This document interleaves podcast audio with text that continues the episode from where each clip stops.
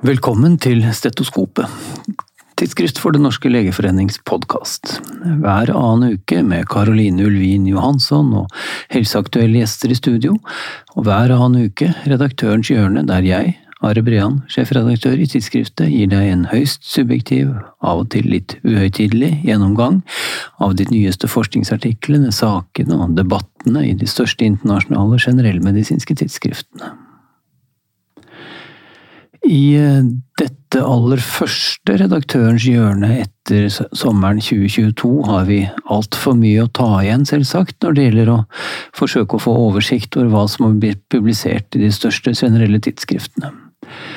La oss derfor ikke engang forsøke på det, men heller konsentrere oss som vanlig om de to siste ukene eller deromkring, og bare der er det mer enn nok å ta tak i, som vi skal se. Og vi begynner som vanlig med koronapandemien, som fortsatt preger også de medisinske tidsskriftene.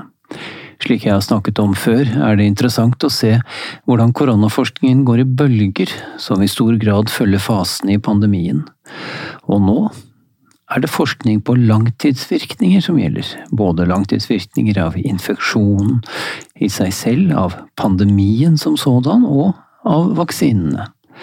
La meg bare ta et par eksempler fra de siste ukene.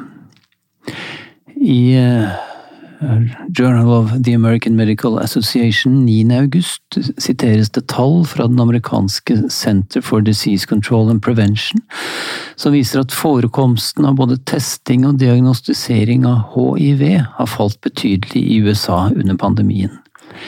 I pandemiens første del ble både klinisk personell og laboratoriepersonell omplassert til pandemirelatert arbeid. Sannsynligvis er det dette muligvis også med mindre risikosex i befolkningen, som førte til at antallet utførte hiv-tester sank med 15% i to av de store kommersielle laboratorietjenestene fra 2019 til 2020, noe som tilsvarer 1,35 millioner færre tester og i høyrisikopopulasjonen, det vil i hovedsak si menn som har sex med menn og transseksuelle, ble den statlig finansierte testingen halvert i samme periode. Og Center for Disease Control anbefaler at man nå følger nøye med for å unngå at denne reduksjonen blir varig, noe som kan ha betydelige konsekvenser for utbredelsen av hiv fremover. Også i Yama kommer en studie fra Korea som har undersøkt hvorvidt vaksinasjon mot covid-19 også beskytter mot den økte risikoen for hjerteinfarkt som infeksjon med covid-19 gir. Studien var en retrospektiv kohortstudie som inkluderte nesten 250 000 pasienter som enten hadde gjennomgått covid-19-infeksjon, eller var vaksinert med minst to doser koronavaksine og ikke hadde hatt infeksjon. Etter 120 dagers oppfølging hadde den vaksinerte gruppen signifikant mindre risiko for å ha gjennomgått både hjerteinfarkt og hjerneinfarkt, med en justert hasardratio på henholdsvis 0,40 og 0,48. Risikoreduksjonen gjaldt i alle subgrupper, uavhengig av blant annet alder, kjønn og generell risikoprofil. Med andre ord, det er bedre å la seg vaksinere enn ha infeksjon, hvis man skulle lure på det. Og i PLOS Medicine har forfatterne av en stor kohortstudie i England sett på forekomsten av nyoppstått kardiovaskulær sykdom og diabetes mellitus hos drøyt 400 000 personer som hadde gjennomgått koronainfeksjon, og sammenlignet dem med like mange individuelt matchede kontrollpasienter som ikke hadde gjennomgått infeksjon. Oppfølgingstiden i denne studien var delt i tre. For det første opptil fire uker etter infeksjon, for det andre fra fire til tolv uker etter infeksjon, og for det tredje fra tolv til 52 uker, altså ett år etter infeksjon. Forekomsten av nytilkommet diabetes økte i de første fire ukene hos de som gjennomgikk koronainfeksjon, for deretter å falle. For hjerte-karsykdom, hovedsakelig lungeemboli, atrieflimmer og venetromboser, fortsatte økningen i risiko helt til tolv uker etter infeksjonen, for deretter å falle til sammenlignbare nivåer som med kontrollgruppen. Konklusjonen er altså at risikoen for nyoppstått diabetes og hjerte-karsykdom er økt i ukene etter gjennomgått koronainfeksjon, men at den økte risikoen ikke ser ut til å vare. Risikoen de første ukene er imidlertid betydelig, med en elleve ganger økt risiko for lungeemboli, seks ganger økt risiko for atrieflimmer og 81% økt risiko for diabetes sammenlignet med kontrollgruppen. Igjen altså, hvis noen fortsatt skulle være i tvil, covid-19 er langt fra noen uskyldig infeksjon. Og slik kunne jeg ha fortsatt en stund med å referere lignende nylige studier av ulike risikofaktorer etter både infeksjon og vaksine. Mer av den slags kommer ganske sikkert i neste redaktørens hjørne. I mellomtiden skal vi til tidsskriftet Nature, som denne uken refererer en preprint i MedArchives, som har analysert mengden av SARS-CoV-2-virus i utåndingsluft hos infiserte pasienter. Nå skal jeg i parentes bemerket love å ikke gjøre det til noen vane å referere preprints her i redaktørens hjørne, men kan Nature, vel, så kan vel vi også for denne ene gangens skyld. 93 pasienter med pågående koronainfeksjon ble i denne studien bedt om å synge og rope det beste de kunne inn i et traktformet apparat som fanget virusmengden i aerosoldelen av utåndingsluften. Det er altså dråpene som er mindre enn fem mikrometer i diameter, og det er disse dråpene som kan penetrere også kirurgiske munnbind. Deltakerne ble rekruttert i perioden fra midten av 2020 til tidlig 2022, slik at både alfa-, delta- og omikron-variantene av virus ble studert. Deltakerne med delta og omikron var alle fullvaksinerte før de pådro seg infeksjonen. Interessant nok ser det ut til at de senere variantene av viruset ga betydelig større mengder virus i utåndingsluften enn de tidlige variantene.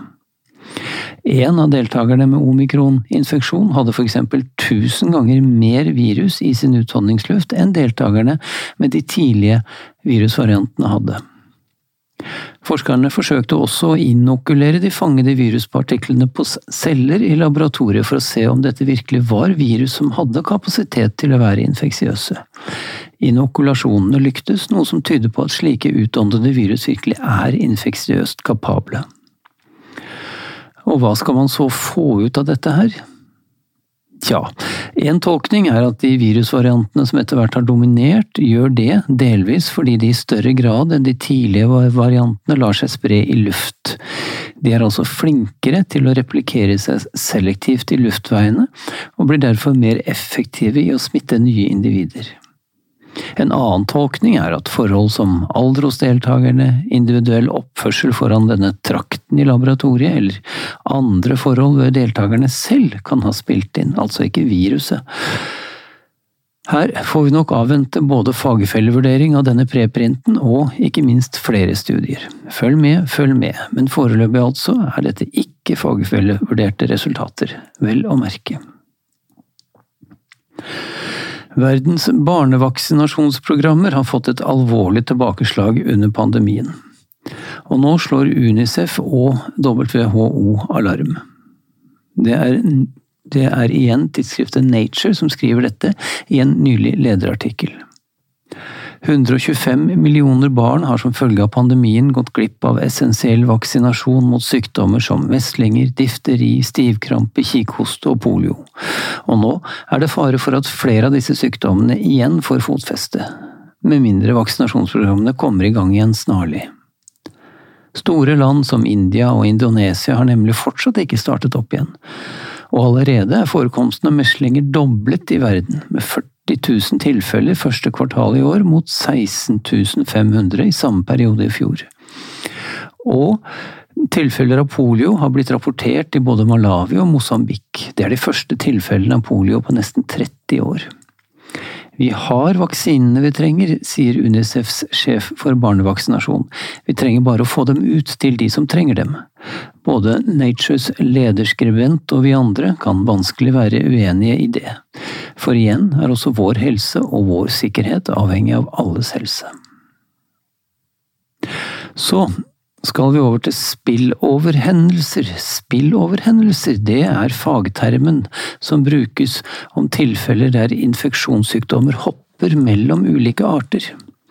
I en nylig artikkel i Yama siteres en evolusjonsbiolog fra universitetet i Sydney på at det er forbløffende hvor mange ulike dyrearter som har blitt infisert med den humane formen av SARS-CoV-2. Som kjent oppsto koronaviruset sannsynligvis i flaggermus, før det via en ukjent mellomvert, muligvis pangoliner, hoppet over til mennesker. Dette er ikke første gang det har skjedd. Til sammen over 900 ulike patogener har til nå blitt vist å kunne gjøre lignende reiser fra dyr til mennesker. Og når et patogen som SARS-CoV-2 gjør en slik reise, så endrer det seg på komplekse og uforutsigbare måter. Det er en rekke egenskaper knyttet til smittsomhet, evne til å fremkalle sykdom, og evne til å unnslippe vaksiner kan påvirkes. Det er en av grunnene til at det er svært viktig å overvåke slik artshopping. Til nå har 36 ulike land i både Afrika, Asia, Amerika og Europa rapportert SARS-CoV-2-infeksjon i til sammen 23 ulike dyrearter, fra tigre til katter og hunder, gorillaer, hamstere og flodhester, og jo mer samvirke mellom dyr og mennesker, jo større risiko for pingpongsmitte mellom artene. Om vi har lært noe fra pandemien, siteres en forsker i denne artikkelen på, så er det at dersom vi skal forebygge den neste pandemien, trenger vi grundig overvåking av slike sammenhenger, for vi er alle forbundet, både dyr og mennesker. Og det bringer oss over på dagens neste tema, nemlig apekopper. For i The Lancet i forrige uke ble det publisert en interessant kasuistikk fra Frankrike som eh, inneholder den første noenlunde sikre påvisningen av smitte av apekopper fra menneske til dyr. To samboende menn ble begge smittet med apekopper og utviklet relativt mild PCR-bekreftet apekoppesykdom med noen få dagers febrilia, utslett og eh, asteni. I sykdomsperioden isolerte de både seg selv og sin hund, som var en frisk italiensk greyhound. Tolv dager etter symptomstart hos eierne utviklet hunden pustuløst utslett og testet positivt for apekopper. Alle virusprøvene ble sekvensert og viste 100% homologi, altså at det dreide seg om nøyaktig samme virusstamme i prøvene fra både hund og eier. Apekopper kan altså med stor grad av sannsynlighet smitte fra menneske til husdyr. Hvorvidt det så kan smitte andre veien igjen, vet man foreløpig ikke. Men dette er viktig å følge med på, også fordi kroppskontakt med hunder og katter i form av kosing, klapping og kjeling er svært vanlig, også overfor dyr man ikke nødvendigvis deler hushold med. Kanskje kan dette representere en ny smittevei for apekopper, fra kjæledyr til mennesker. Også fra Frankrike kommer en ny studie nettopp publisert i Annals of Internal Medicine som viser at apekopper også kan forekomme asymptomatisk. En teststasjon for menn som har sex med menn, var utgangspunktet for studien. Menn med multiple partnere, eller som av andre grunner er i risikosonen for hiv, blir her testet regelmessig hver tredje måned. Anorektale penselprøver fra 706 menn i juni og juli 2022 ble retrospektivt analysert for tilstedeværelse av apekoppevirus. 383 hadde symptomer på apekopper på prøvetidspunktet, 271 av disse testet positivt for viruset, og etter litt teknikaliteter sto man igjen med 200 analyserte prøver der pasienten ikke hadde noen symptomer på apekopper. 13 av prøvene, altså 6,5% av prøvene, hadde positiv PCR for tilstedeværelse av apekopper. Hvorvidt personene bak prøvene i sin tur er smitteførende, vet man selvsagt ikke sikkert ut fra dette, men som Stuart Isaac skriver i en korresponderende leder i Annals, er risikoen for smitte fra symptomfrie individer enda en god grunn til å kalle apekopputbruddet en sykdom som gir grunn til folkehelsebekymring. Og bekymring er det. Eksempelvis har de fleste generellmedisinske tidsskriftene publisert lederartikler om apekopper i det siste, inkludert, jeg hadde nær sagt selvsagt, vi i vårt eget tidsskrift. I The Lancet 30. juli kaller redaktørene utbruddet en global oppvekker, a global wake-up call, og påpeker det samme som jeg gjorde i en nylig minileder i tidsskriftet, nemlig at forekomsten i fattige deler av Afrika har økt gjennom flere år, men at det først var når viruset nådde rike land med en hvit befolkning at verden begynte å bry seg. Da var det for sent å hindre at utbruddet ble til den globale helsekrisen som Verdens helseorganisasjon nå har definert det til å være. For tredje gang i dag, altså, vår helse avhenger av alles helse. Og for de som skulle være ytterligere interessert, kan en god oppdatering på både utbruddet, kliniske karakteristika, testing, behandling og vaksinering, eh, som ble publisert i Yama 11. august, anbefales. Du finner som vanlig lenken til både denne og alle andre artikler jeg omtaler her, listet opp i omtalen av dagens episode. Men nå til en annen viral infeksjonssykdom, nemlig hiv. Mange har fått med seg den randomiserte studien av medikamentet Cabotegravir som ble publisert i The Lancet i mai i år. Studien viste at en injeksjon med Cabotegravir hver annen måned er mer effektiv enn dagens PREP-regime i å forhindre hiv-infeksjon. En game changer for hiv-epidemien kaller Nature dette medikamentet i en lederartikkel 9. august, men spør seg hvorfor medikamentet trenger å koste så mye.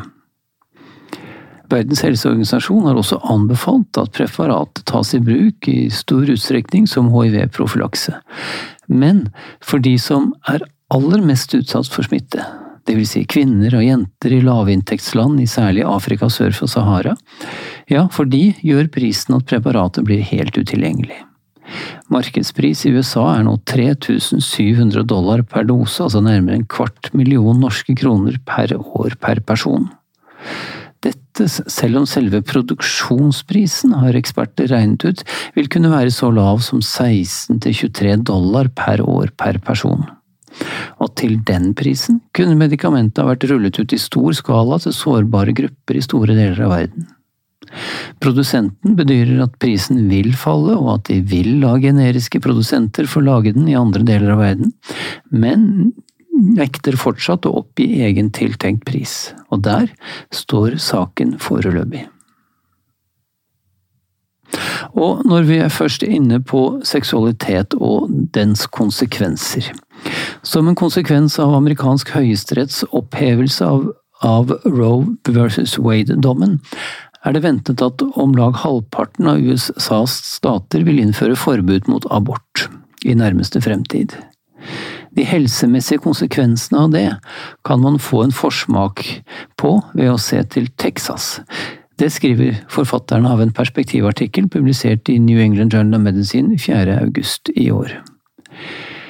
Eh, I september 2021 ble nemlig abort av fostre med synlig hjerteaktivitet forbudt i Texas. I praksis vil de si at abort etter uke seks er forbudt i staten. Enhver som bidrar til abort vil kunne bli dømt til som minimum en bot på 10 000 dollar. Forfatterne har intervjuet henholdsvis 25 leger og 20 gravide med medisinsk kompliserte graviditeter om sine erfaringer etter et snaut år med denne loven i Texas. Ingen vet hvordan loven egentlig skal og må tolkes i praksis. Noen leger våger overhodet ikke å rådgi sine pasienter i abortspørsmål lenger, i redsel for å bli anmeldt og dømt, selv ikke der risikoen for mor eller foster er svært høy. En 39 år gammel kvinne, som eksempel, bar et foster med spina bifida og trisomi 18. Hun var rystet over å oppleve at legen våget å gi henne noen som helst ikke våget å gi henne noen som helst informasjon om muligheten til å avslutte svangerskapet. Det er en forståelig reaksjon når man vet at barn med trisomi 18 har en gjennomsnittlig levealder på seks dager etter fødsel, og nå må de altså bæres frem til fullbårne. På samme måte, kvinner i Texas som bærer barn med tilstander uforenlig med liv, slik som anencefali eller bilateral nyreagenesi, blir nå pålagt å bære frem barnet og deretter la det få lindrende behandling inntil det dør kort etter fødsel. Og fosterreduksjon i livreddende øyemed, for eksempel ved komplikasjoner hos tvillinger som deler morkake, kan heller ikke lenger utføres. Dermed må man la begge fostrene dø i mors liv fremfor å forsøke å redde den ene.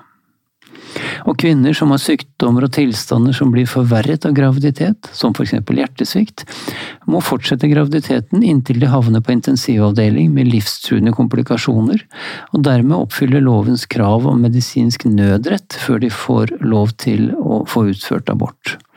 I det hele tatt, den rystende listen er lang, og inkluderer også leger som har forlatt staten for å kunne få beholde sin faglige autonomi og snart blir dette normalen i mange flere amerikanske stater. Som forfatterne skriver, tilstandene i Texas viser at å la politikere avgjøre hva som er best medisinsk behandling, er farlig for både pasienter og leger.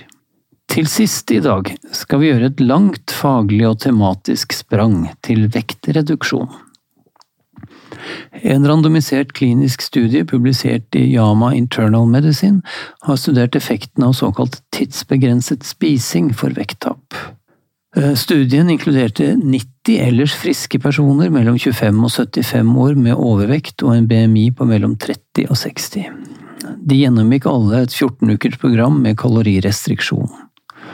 Personene ble randomisert til enten å måtte spise all mat mellom klokken 07 og klokken 15, og faste resten av døgnet, eller spise maten mer normalt fordelt over døgnet uten å faste mer enn maksimalt tolv timer per døgn. Totalt kaloriinntak var det samme i begge grupper. Gruppen som kun fikk lov å spise åtte timer i døgnet, gikk signifikant mer ned i vekt i perioden, i snitt 6,3 kilo, mot 4 kilo i spis når du vil-gruppen. Diastolisk blodtrykk var også signifikant forbedret i tidsbegrenset-gruppen sammenlignet med spis når du vil-gruppen. Det var dog ingen forskjell i ratioen mellom tap av fettmasse og totalt vekttap, noe som tyder på at den tidsbegrensede spisingen ikke var mer effektiv for å tape fett alene enn kalorirestriksjon uten tidsbegrenset spising.